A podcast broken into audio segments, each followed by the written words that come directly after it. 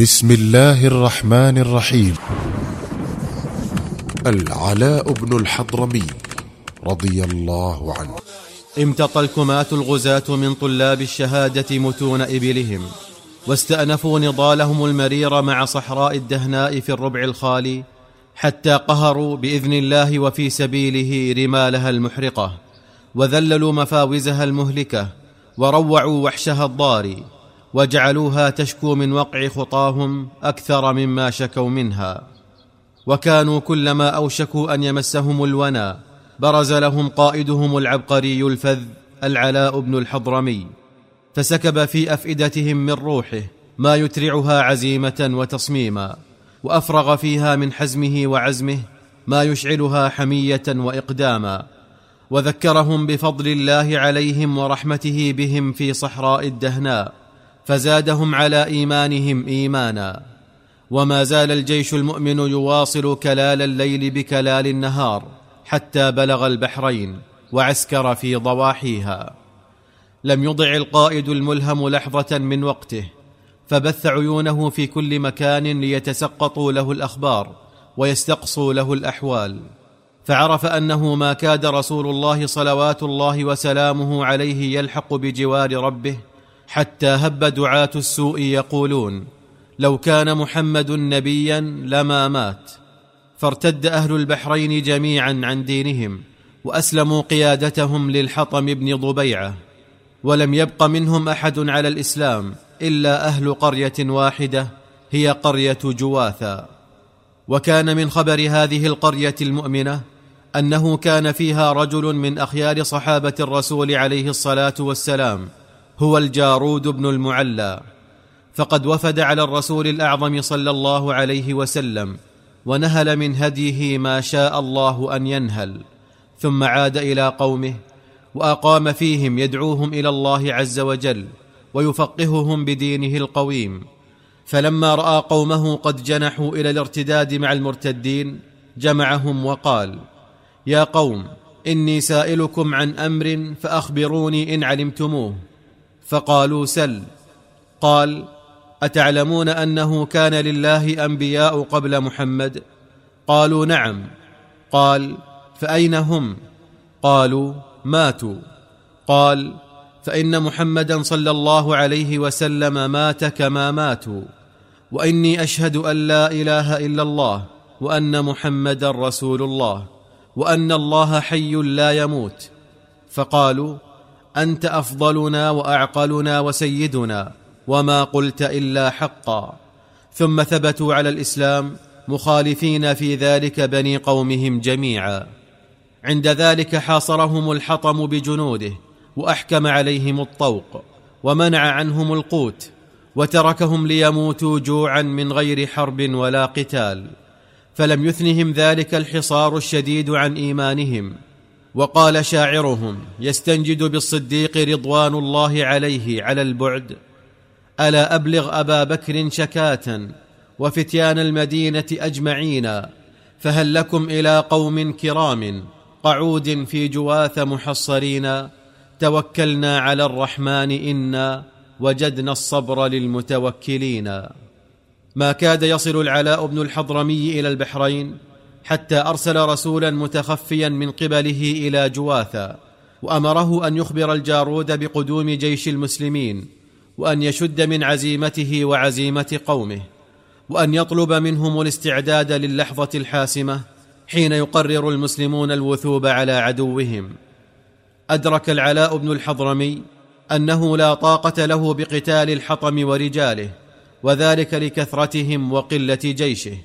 وقوتهم وضعفه ووفرة عدتهم وعتادهم وشح موارده فاحتفر لجيشه خندقا يتترس به وكذلك فعل الحطم لأن خوفه من المسلمين لم يكن بأقل من خوف المسلمين منه.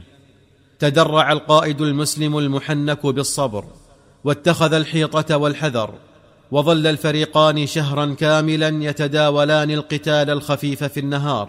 ويعودان إلى خنادقهما في الليل.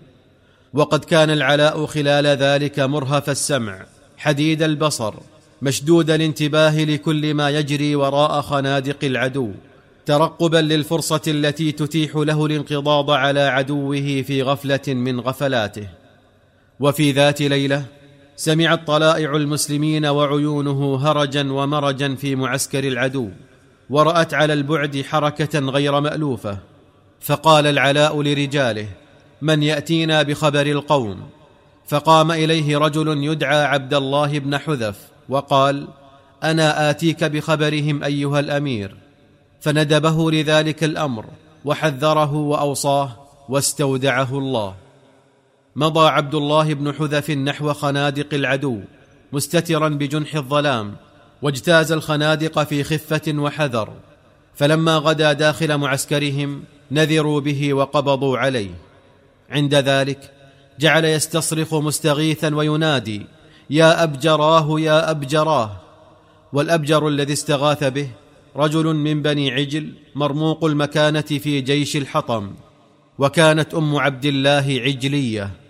فجاءه الأبجر وسأله عن نسبه فانتسب له وقال له إنكم أخوالي. فعرفه وأجاره. واستفسر منه عن أمره فقال لقد ضللت طريقي ونزلت بين جنودكم فأخذوني أسيرا. فقال له الأبجر والله إني لأظنك بئس ابن أخت قوم جاء أخواله.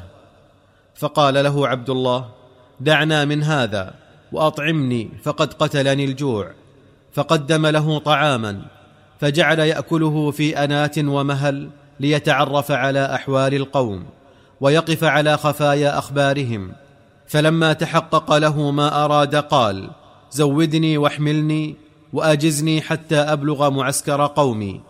فزوده وحمله على دابة وبعث معه من أجازه حتى بلغ مأمنه.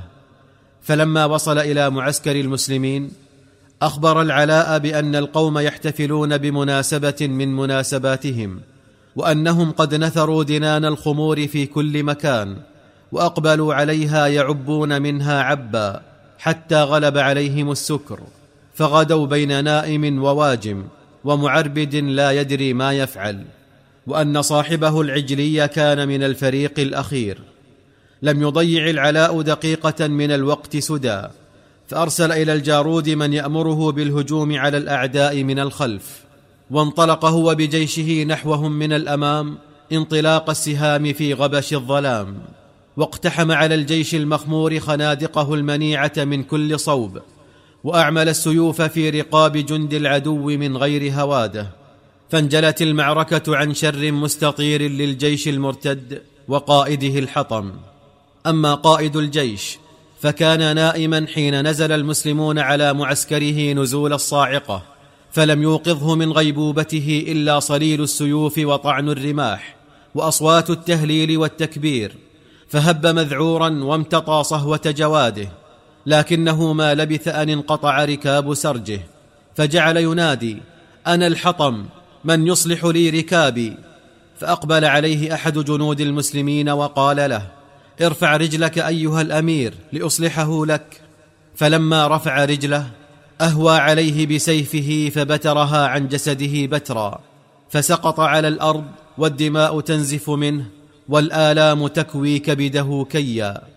عند ذلك جعل يسأل كل من يمر به أن يجهز عليه ليتخلص من آلامه ولينجو من وقع أقدام المنهزمين التي تمر فوقه.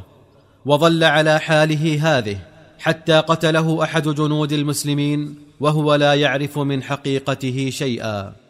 وأما الجيش فقد حلت به هزيمة ماحقة نكراء. ففريق سقط قتيلا في خنادقه التي احتفرها بيديه فغدت قبورا له وفريق وقع اسيرا في أيدي المسلمين إلا أن جمهرة الجيش الكبرى لاذت بالسفن الراسية على الشواطئ وولت الأدبار هاربة إلى جزيرة دارين. لقد حرر العلاء بن الحضرمي البحرين وأعادها إلى حوزة الإسلام ولكن أتظن أن في وسع بطل مجاهد مثله أن يطمئن له جنب أو يغمض له جفن. ما دام المرتدون يسرحون ويمرحون قريبا منه متحصنين بجزيرة دارين.